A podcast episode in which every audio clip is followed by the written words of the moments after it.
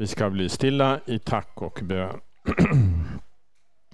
Ja, kära Herre Jesus, tack för att du är den gode herden. Tack för att du är den gode herden som har gett sitt liv för fåren. Och tack Herre Jesus för att du är den uppsökande herden. Att du söker oss var och en, att du kallar oss var och en, att du ställer oss var och en inför uppmaningen Följ mig. Och tack Herre Jesus för att när du kommer till oss så gör du det av kärlek till oss människor, oavsett hurdana vi är. Du känner oss, du vet att vi oss själva så är vi syndiga människor. Men tack Herre Jesus för att du själv har sagt att det är just syndare som du söker. Vi ber nu Herre Jesus att du kommer till oss den här stunden. Att du ställer oss inför uppmaningen Följ mig. Att du visar hur viktigt det är att säga ja när du kallar. Vi lämnar den här stunden i dina händer och ber att du ska vara med oss. Vi lägger allt i dina händer. Amen. Följ mig. Det var en uppmaning som Jesus riktade till många människor när han vandrade här på jorden. Vi ska bara stanna vid två exempel inledningsvis. Han använde den uppmaningen när han kallade Simon Petrus till sin lärjunge. En av de första lärjungarna han kallade. Simon Petrus, en vanlig, respekterad och vi kan anta hårt arbetande fiskare som Jesus söker upp och ger honom uppmaningen Kom och följ mig så ska jag göra dig till människofiskare. Och det står att Petrus, han lämnade genast näten och följde honom. Så var det också när han något senare kallade publikanen Levi, tulltjänstemannen Levi, där han satt utanför tullkontoret. Som alla andra publikaner så var säkert Levi föraktad, kanske utfryst utav vanliga människor just därför att han var tulltjänsteman. Men trots detta och kanske just på grund av detta så går Jesus fram till Levi och säger Följ mig. Levi lyssnar till Jesu uppmaning, reser sig och följer honom. Och då kan vi lägga märke till att Levi, han kallas också Matteus. Och det är han som man menar har skrivit Matteus evangeliet. Följ mig, två exempel här. Följ mig till två människor som lyssnade till Jesu kallelse, som följde honom och vars liv blev helt förändrade. Vi kan ju tänka på Petrus. Kanske 30 år senare så lider han martyrdöden för Jesus skull. Han bekänner Jesus genom att lida martyrdöden. Och Matteus, Levi Matteus, han får skriva Matteusevangeliet som är en viktig del i det nya testamentet. Och då kan vi ställa oss frågan, hur kunde denna enkla uppmaning få så stora konsekvenser för de här två människorna? Svaret på den frågan är tvådelat kan vi säga. För det första så kommer uppmaningen från Jesus, världens frälsare, Guds son. Och uppmaningen är ju att följa honom personligen. Inte följa ett livsmönster eller följa en livsfilosofi eller något annat. Nej, uppmaningen är att följa honom och lära känna honom och få en personlig trosrelation till honom. Han som är världens frälsare. Det var det ena. Och Det andra är ju detta faktum att de här två människorna, i likhet med många andra, men tyvärr inte alla andra exempel som finns i Nya Testamentet. De här två, Simon och Levi, de säger ja till kallelsen. De tar vara på kallelsen och följer Jesus. Idag är det du och jag som ställs inför den här uppmaningen Följ mig. Och Jag skulle tro att många av er, ni som sitter här i tältet och ni kanske som, som lyssnar i närradion, ni har följt den här uppmaningen tidigare och ni följer Jesus. Jag tror att det är så och jag vet att det är så. Och då är detta en uppmaning som riktar sig också till er ikväll. Att fortsätta vandringen med Jesus. Att vårda och fördjupa relationen till honom. Det vet vi, relationer måste vårdas, relationer måste bevaras och fördjupas. Och genom att följa uppmaningen Följ mig, återigen så gör du det. Men så finns det kanske också någon som ännu inte sagt ja till denna uppmaning. Då ska du veta att denna Jesu uppmaning, följ mig, den gäller ännu idag. Just nu. Just nu erbjuds du att följa honom och få en personlig relation till Herren Jesus, världens frälsare. En trosrelation. Och då är ju frågan, vad innebär denna personliga relation? Eller vad innebär det att följa Jesus? Vad är det han kallar oss till? Vad är det vi erbjuds när vi ställs inför denna uppmaning? Ja, det kan förklaras och beskrivas på olika sätt. En bild som Jesus själv använder och som vi ska utgå ifrån, och det har Bo Ingvar redan varit inne på, det är förhållandet eller relationen mellan fåret och herden. Jesus som herden och den som säger ja till uppmaningen och följer honom som fåret. Och vi ska läsa en text som vi ska utgå ifrån när vi ska tala om detta, som vi finner i Johannes 10 kapitel och verserna 27 till 28. Där säger Jesus så här. Mina får lyssnar till min röst och jag känner dem och de följer mig. Jag ger dem evigt liv. De ska aldrig någonsin gå förlorade och ingen ska rycka dem ur min hand. Den här undervisningen som vi hittar i Johannes 10 kapitel, den var ju riktad till judarna. Jesus samtida judar. Och det är en bild av herden och fåret som förekommer på flera ställen i vår bibel. Det har vi förstått och det har vi mött redan i, i inledningen idag. Relationen mellan Gud och en människa som lever i tro och efterföljd beskrivs som relationen mellan en herde och ett får. Och Jesus använder den här bilden och han utvecklar den. Inte minst i det här kapitlet som vi har tagit texten ifrån, Johannes 10 kapitel. Och det är viktigt. Utgångspunkten på något sätt är att Jesus säger att jag är den gode herden. Jesus säger jag är den gode herden som ger sitt liv för fåren. Och när vi nu hör den här, återigen den här bilden, eller när vi stannar inför den här bilden om Jesus som den gode herden, så får vi säkert vissa associationer. Våra tankar går till den 23 salmen. Den har vi hört många gånger. Han leder mig på rätta vägar för sitt namns skull. Han för mig till vatten där jag finner ro. Det talas om gröna ängar och så vidare. Och Den associationen får vi ha. Och Den associationen får vi liksom ha i bakhuvudet när vi nu går in i den här texten.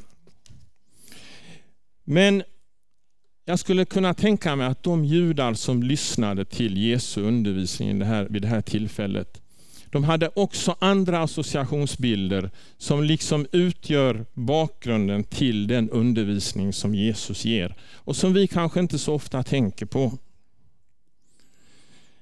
Den associationsbilden kanske inte var så idyllisk. Det kanske inte var i första hand gröna ängar och flödande vattendrag de tänkte på. Nej, de visste vad det innebar att vara herde. För herdeyrket var ett vanligt yrke i Palestina på Jesu tid. De visste att landskapet i regel i Palestina var oländigt. Ofta var det snårigt och kuperat. De visste också att ett får i en sådan omgivning, oländigt, snårigt och kuperat landskap, var hjälplöst om det, om det blev ensamt. De visste att fåret var helt beroende av att ha en herde. Att ha en herde som ledde det och som såg efter det. Och Det var ju på, så, på det sättet att en herde förde sin jord till betesmarker och till vattenhål. Och då gick herden före sin jord. Han följde honom som följde honom i den riktning som han angav. Det var alltså inte så att herden föste jorden framför sig, utan herden gick före och fåren gick efter. Och Det berördes lite inledningsvis här utav Bo Ingvar. Herden gick före och tog hela ansvaret för att jorden skulle komma fram till vattenhålet eller till de utsedda betesmarkerna. Och så ledde herden sin jord med sina rop. Och när man kom till ett vattenhål så kunde det hända att får från olika jordar blandades och drack. Och när herden ansåg att nu har de fått tillräckligt, nu är det dags att vi går vidare, så ropade han på sina får. Och då kände de igen hans röst och därmed kunde de följa honom vidare. Och så var det på Jesu tid så att vissa herdar ägde sin jord. Andra var lejda. Och vi förstår vad detta hade för betydelse för relationen mellan herden och fåren. Jesus utvecklar detta i Johannes 10. Den som ägde sina får var mån om dem på ett helt annat sätt än den som var lejd. Det är liksom detta som är bakgrunden till den text som eh, allegoriskt kan vi säga beskriver vad det innebär att följa Jesus. Vad det innebär att äga en trosrelation till honom. Och Det är det vi skulle försöka stanna inför ikväll. Och Då utgår vi från den här bilden, herden och fåren och uppmaningen att följa Jesus. Vad innebär det då att följa Jesus? Och Då har jag fem punkter, jag hoppas det inte blir för långt, som jag skulle vilja säga något om. Den första punkten är du får följa Jesus som hans egendom. Den andra punkten, du får följa Jesus av nåd och vara känd av honom. Den tredje punkten, att följa Jesus innebär att lyssna, att lyda och ledas. Den fjärde punkten, att följa Jesus innebär en oändlig trygghet. Och den femte punkten, att följa Jesus innebär evigt liv. Mina får, säger Jesus inledningsvis i texten. Det vill säga den som följer honom, tillhör honom, är hans egendom.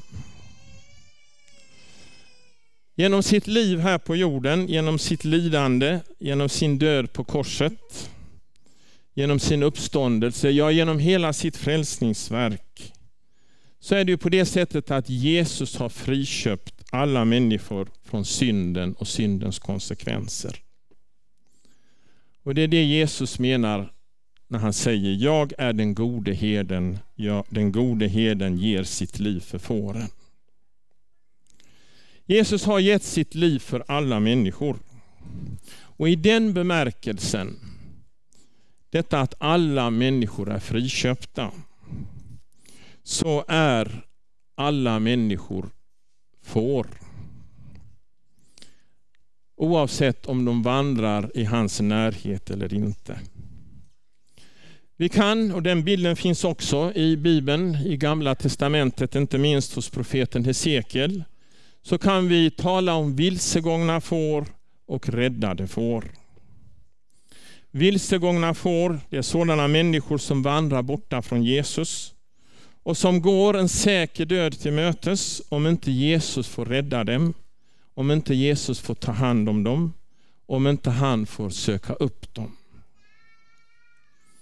Och räddade får, det är ju sådana människor som Jesus fått söka upp, som han har fått rikta uppmaningen följ mig till och som har lytt den uppmaningen och som har honom som sin herde. Om du nu vill följa Jesus så tillhör du honom, vi kan säga i dubbel bemärkelse. Du är för det första friköpt av honom och för det andra så har han fått söka upp dig och ta hand om dig. Och Detta är liksom den grundläggande, det grundläggande i den här relationen mellan en lärjunge och Herren Jesus. Relationen bygger på detta som Jesus har gjort för alla människor. Hans försoningsverk, men också så bygger den på hans försoningsverk, på hans uppsökande verksamhet. Att han har fått söka upp dig och ta hand om dig. Och Jag kan inte låta bli att citera från något som Martin Luther har skrivit det han skriver i förklaringen till andra trosartikeln. Kanske lite tung svenska, men oerhört kärnfullt och oerhört innehållsrikt. Det beskriver den här, ska vi kalla det, det här relationsfundamentet som du får ha om du vill följa Jesus. Han säger, jag tror att Jesus Kristus, sann Gud, född av Fadern i evighet, och tillika sann människa, född av jungfrun Maria, är min Herre, vilken förlossat, förvärvat och vunnit mig, förtappade och fördömda människa, ifrån alla synder, ifrån döden och djävulens våld. Inte med guld eller silver, utan med sitt heliga och dyra blod och med sitt oskyldiga lidande och död, för att jag ska vara hans egen, bliva och leva under honom och tjäna honom i evig rättfärdighet, oskuld och salighet. Så som han har uppstått ifrån döden, lever och regerar i evighet. Det är det här, mina vänner, som vi får bygga vår relation på. Allt vilar på detta som Jesus har gjort för alla människor. Och allt vilar på detta att han har fått söka upp oss. Och du som lyssnar till den här uppmaningen idag och kanske gör det för första gången och inte tidigare har sagt ja när Jesus har kallat dig. Säg ja till Jesus så får du vila i detta. Då får du tillhöra Jesus i dubbel bemärkelse. Han som har friköpt dig. Det andra vi skulle stanna inför var, du får följa Jesus av nåd och vara känd av honom. I vår text så säger den gode herden, eller Jesus säger om fåren i sin jord, och jag känner dem, säger han. Herren Jesus känner sina lärjungar. Han vet vilka svagheter de har. Han känner till deras misslyckanden. Han vet om redan från början kan vi säga att de är ofullständiga människor. Ja, inför Gud så är vi alla syndare. Herren Jesus vet om detta. Och Det innebär att du får följa Jesus precis sådan som du är. Du behöver inte förställa dig, du behöver inte förbättra dig inför honom. Nej, precis sådan som du är får du följa honom. Vi talade ju inledningsvis om att Jesus kallade på Levi tulltjänstemännen och sa följ mig. Och Levi han var känd som en publikan och som en syndare. Det berättas i Lukas femte kapitel att när han hade fått kallelsen av Jesus att följa honom och också svarat ja på kallelsen så ordnar han en stor fest. Dels för Jesus kan vi nog ana och kanske samtidigt som en avskedsfest för sina kollegor och också för att få tillfälle att bekänna inför sina medmänniskor att nu får jag, nu ska jag följa Jesus.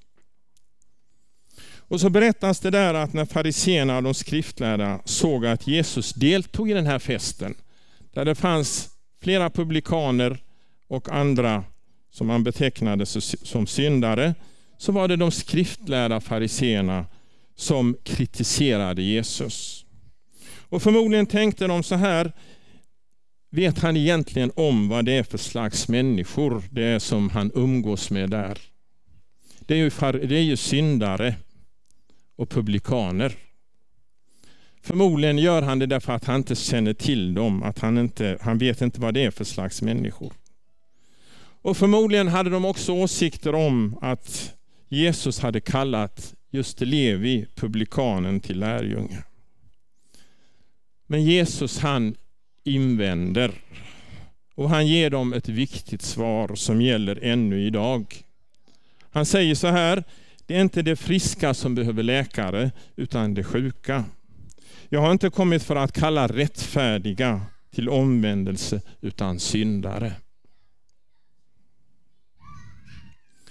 Och så är det också idag. Det är de sjuka som behöver läkare. Det är syndarna som Jesus kallar till omvändelse, som ska, att följa honom. Vi skulle kunna uttrycka det så här, att det går inte att följa Jesus som rättfärdig och perfekt i egna ögon, för det är du inte. Det finns ingen människa som är rättfärdig och perfekt, men i egna ögon kan vi bli det, det som Bibeln kallar för självrättfärdighet. Däremot går det att följa honom om man känner sin synd och är en syndare i sina egna ögon.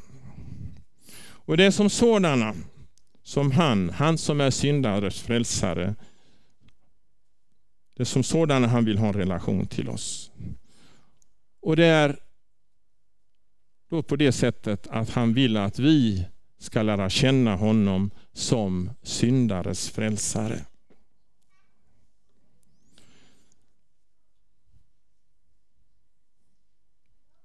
På ett annat ställe i samma kapitel så säger Jesus, jag är den gode herden, jag känner mina får och mina får känner mig. Och när Jesus säger så så menar han nog inte i första hand att han känner sin får som grupp. Det gör han kanske också. Men vad som är ännu större och jag, som jag tror ligger i det här, det är att han känner vart och ett av sina får individuellt och personligt. För Han säger också i samma kapitel att han nämner dem vid namn. Han nämner sina får vid namn och leder dem ut, står det i början av det här kapitlet. Så Herren Jesus han betraktar inte oss, vi som vill följa honom, som en grå massa. Heden, den gode heden betraktar inte fårjorden som en grå massa. Nej, han ser oss var och en som individer, som personer. Och därmed så känner han oss, han känner våra behov, han känner våra svårigheter, han känner våra svagheter. Ja, han vet precis vad för ett verk vi är, står det i Gamla Testamentet i en psalm. Och på ett annat ställe i Gamla Testamentet hos profeten Jesaja så står det om den gode heden han för sin jord i bet såsom en herde. Han samlar lammen i sin famn och bär dem i sina armar och sakta för han moderfåren fram. Lammen tas, tas hand på ett sätt som tillfredsställer lammens situation och behov. Moderfåren på ett sätt som de behöver tas om hand på. Han känner de olika fårens behov. Sen finns det en annan sida i att följa Jesus som jag kanske kort kan nämna här. Jag tror att den kommer bli berörd imorgon utav Henrik Birgersson. Och det är att följa Jesus, det innebär också att gå in i arbetsuppgifter i arbetet för Guds rike av nåd. Så var det för Levi.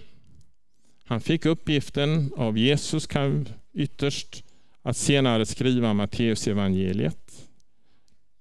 Det kunde han göra, de gåvorna hade han.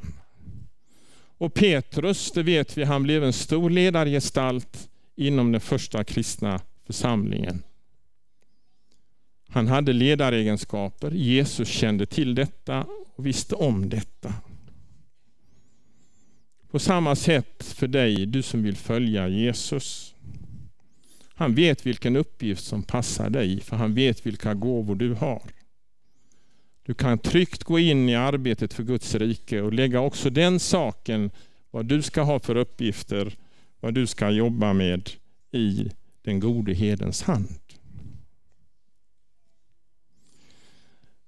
Det tredje vi skulle stanna inför var att följa Jesus innebär att lyssna, att lyda och låta sig ledas. Mina får lyssnar till min röst och jag känner dem och det följer mig, säger Jesus.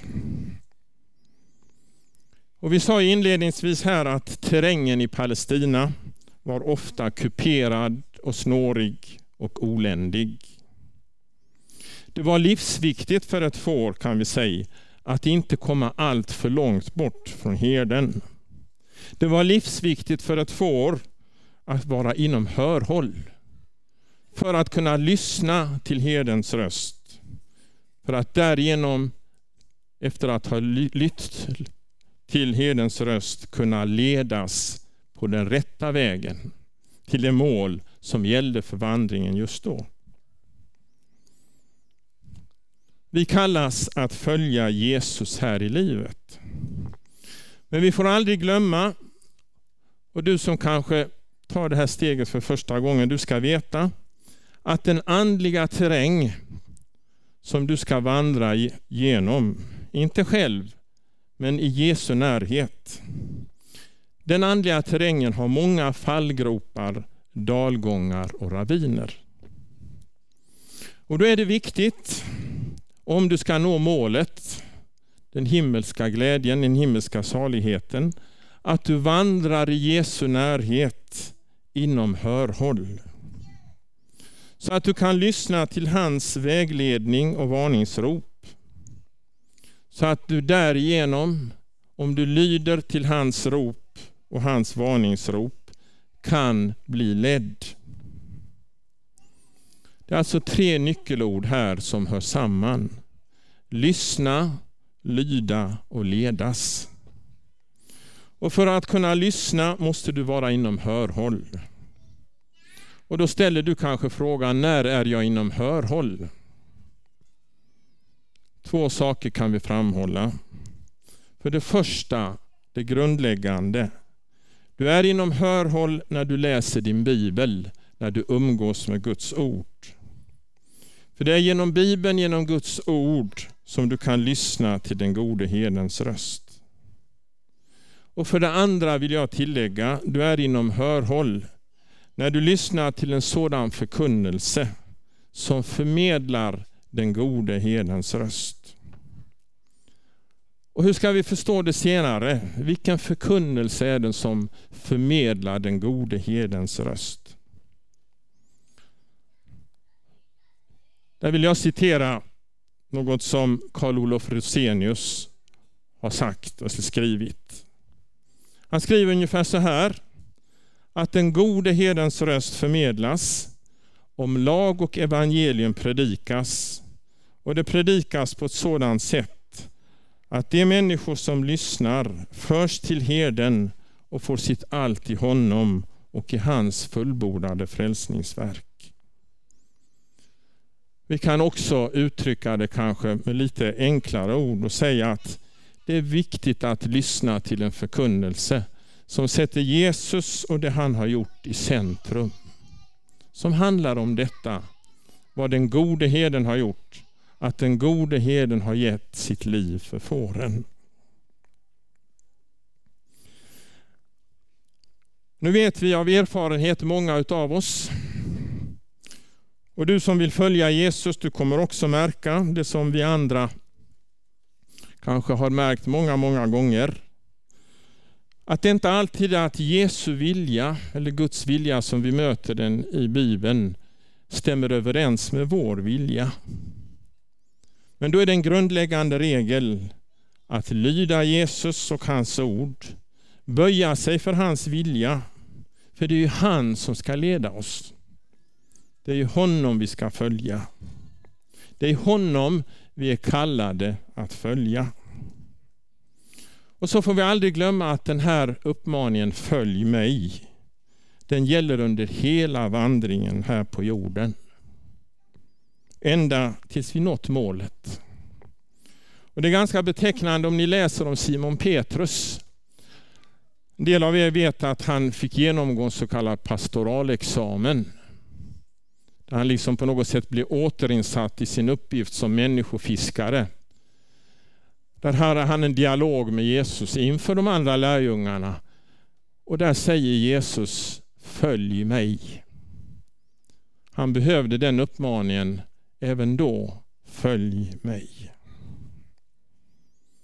Sen är det också viktigt att du och jag, att vi lyssnar till våra samveten.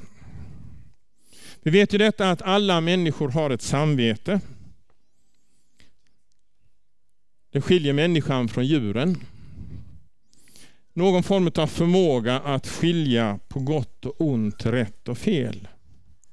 Det är en följd av att Gud har skapat oss till sin avbild. Men så vet jag att allt sedan syndafallet så är vårt samvete, så är människans samvete väldigt svagt. Och det är grumligt kan vi säga, det är starkt försvagat. Men om Jesus får kalla på en människa genom sitt ord, så kan och vill han väcka samvetet så att det lyssnar till Guds ord, påverkas av Guds ord och liksom kalibreras av Guds ord. Det är Guds andes verk. Guds ande som verkar genom ordet. Och då blir liksom samvetet en resonansbotten kan vi säga inom en människa som speglar relationen mellan Jesus och lärjungen. Och när relationen är som den ska vara, öppen och förtroendefullt, ja då har lärjungen ett gott samvete. Men om det går fel, ja då får lärjungen ett dåligt samvete. Men då gäller det här som vi var inne på förut. Det är de sjuka som behöver läkare. Det är syndare som behöver frälsare. Och den frälsaren har du i Jesus. Du kan få förlåtelse, du får bekänna dina synder och få förlåtelse och därigenom få ett gott samvete. Och ibland så får vi signaler från våra samveten, eller du får signaler från ditt samvete och det händer att jag också får signaler från mitt samvete att nu är jag ute på fel väg. Det kan vara rent konkret när du kanske är ute på internet och surfar och du kommer in på sidor som du inser ditt samvete säger dig att det här bör jag inte gå vidare med. Eller det kan vara när du utför någon ekonomisk transaktion som du vet ligger i en gråzon. Det kanske inte är helt fel, det kanske inte är helt rätt. Men så slår ditt samvete dig, nej det här ska jag inte göra. Eller det kan vara när du upptäcker att en fritidsaktivitet eller någon hobby tar allt mer tid i anspråk och kanske går ut över den tid du har avsatt för att läsa din bibel.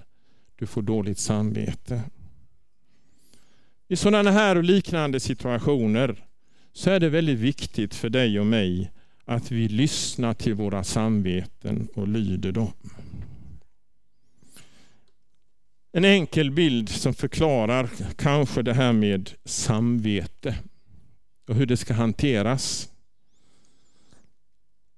Vi ser ju ganska många solceller uppe på taken idag. Och vi vet att en solcell producerar elektrisk ström om den utsätts för ljus. Ju starkare solsken och ju renare yta på solcellen, desto starkare ström. Sätter vi solcellen i skugga och dessutom låter ytan smutsas ner gradvis så vet vi vad följden blir. Strömmen blir allt svagare för att så småningom helt upphöra. Det kan säga något om hur vi ska hantera våra samveten. För det första för att ett samvete hos en lärjunge ska fungera så måste det påverkas av Guds ord. Det måste utsättas för Guds ords ljus och vägledning. Men så måste också samvetet kontinuerligt renas. Ett rent samvete, som jag sa förut, det kan Jesus själv ge oss. Genom sin förlåtelse som han tillsäger oss. Genom sitt ord. Och jag vill bara säga det att Bibeln varnar oss kraftigt för att slarva med våra samveten. Låta dem så smutsas ner gradvis. Paulus han säger på ett ställe, han uppmanar oss att kämpa den goda kampen i tro och med rent samvete.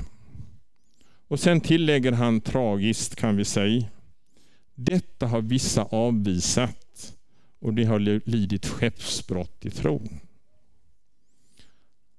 Detta har vissa avvisat och de har lidit skeppsbrott i tron. Och det är allvarligt. Att jag har, det är viktigt när jag följer den gode herden att jag har ett öppet förhållande till honom. Aposteln Johannes säger, om vi bekänner våra synder så är han trofast och rättfärdig. Så att han förlåter oss synderna och renar oss från all orättfärdighet. Hur ska jag då leva mitt liv i Jesu efterföljd? Ja, det är en stor och viktig fråga som vi naturligtvis inte kan beskriva eller besvara uttömmande i den här predikan. Men jag vill bara ge ett svar. Ett svar baserat på vad jag finner i Nya Testamentet. Och Det svaret är, ha Jesus som exempel. Ha honom som exempel.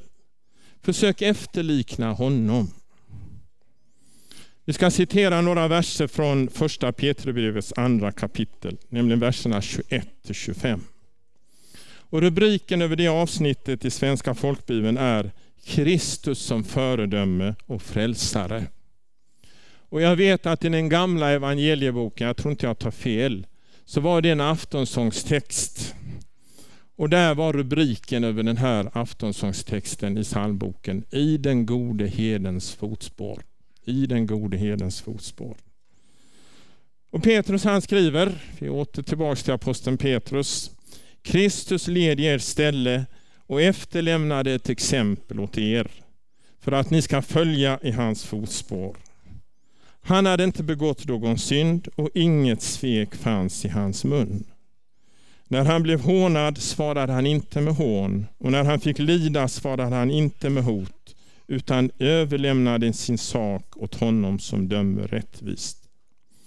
Han bar våra synder i sin kropp upp på korsets trä för att vi skulle dö bort från synderna och leva för rättfärdigheten. Genom hans sår är ni helade. Ni var som vilsna får, men nu har ni vänt om till era själars hede och vårdare. Det fjärde vi skulle stanna inför var att följa Jesus innebär en oändlig trygghet. Vi läste i versen, inledningsversen, mina får lyssna till min röst och jag känner dem och de följer mig. Jag ger dem evigt liv. De ska aldrig någonsin gå förlorade och ingen ska rycka dem ur min hand. Den som följer Jesus, lyssnar till hans röst, följer honom, lyder honom, är oändligt trygg. Och denna oändliga trygghet finns bara på ett ställe för en lärjunge. Och det är, det förstår vi, i Jesu hand. Hur ska vi då förstå detta? Vad innebär det att vara i Jesu hand? Ja, vi förstår det säkert kanske. Men vi kan läsa en välkänd vers från den 139 salmen där David, alltså han som skrev hedersalmen, den 23 salmen, skriver i den salmen Du omsluter mig på alla sidor och håller mig i din hand. Han omsluter oss på alla sidor.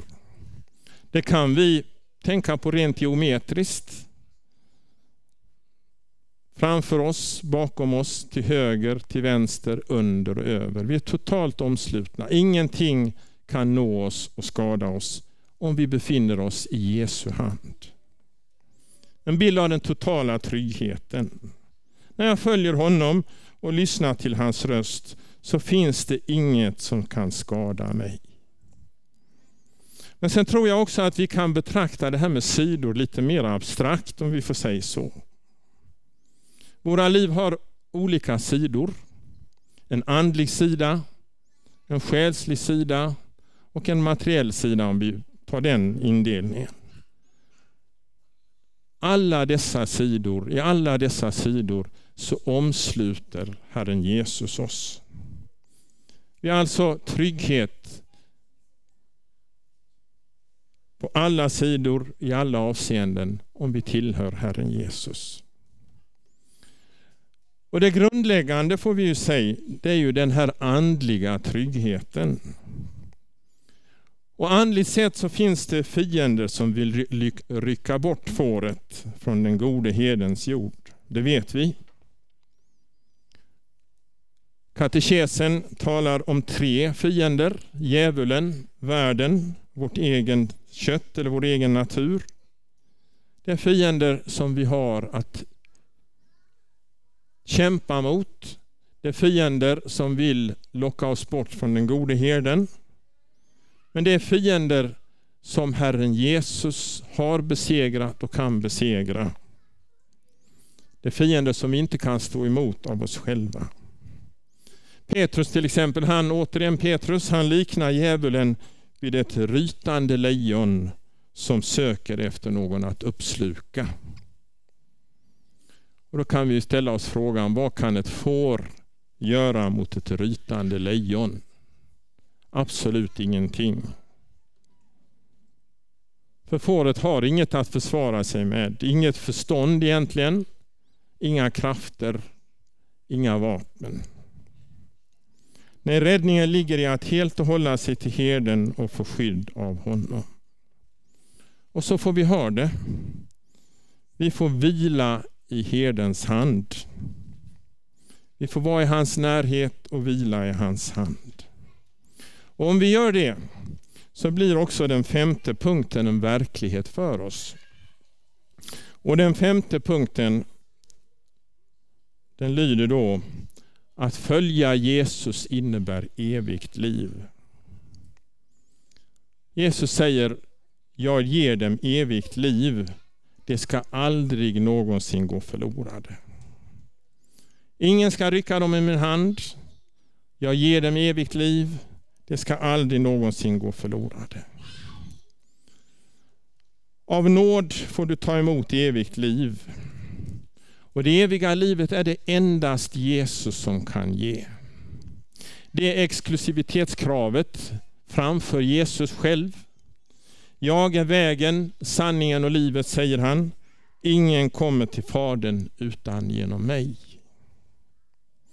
Men så är det faktiskt så att om du följer Jesus, eller om du börjar din vandring ikväll, eller om du har kanske ett helt liv bakom dig som Jesu lärjunge, så äger du redan evigt liv. Jesus han säger så här i Johannes 5 och 24. Den som hör mitt ord och tror på honom som har sänt mig, han har evigt liv. Han drabbas inte av domen utan har gått över från döden till livet.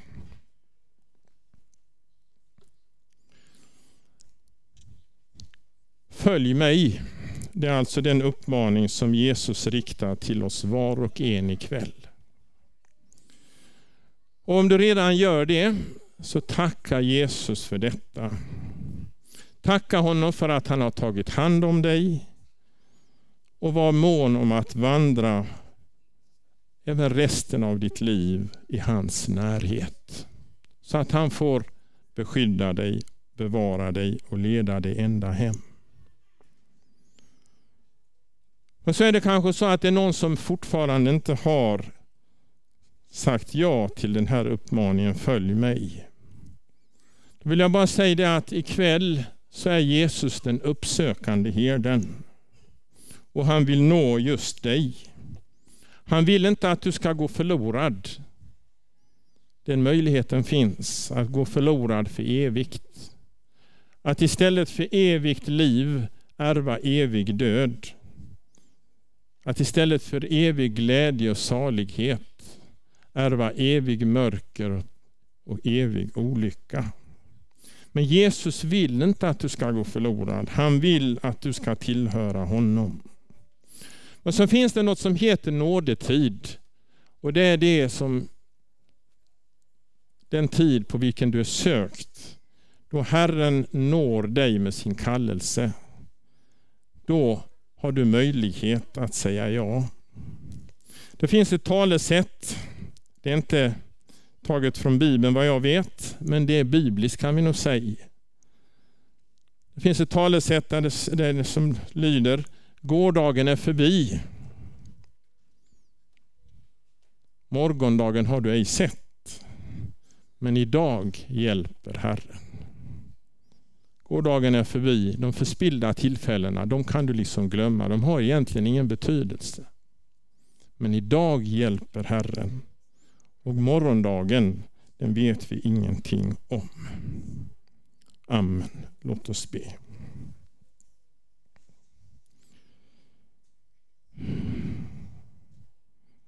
Jag tackar Herre Jesus för att du är den gode herden. Tack för att du känner oss var och en. Tack för att du vet hur vi har det. Herre, vi ber att det verkligen måtte vara så för oss var och en att vi vandrar i din närhet.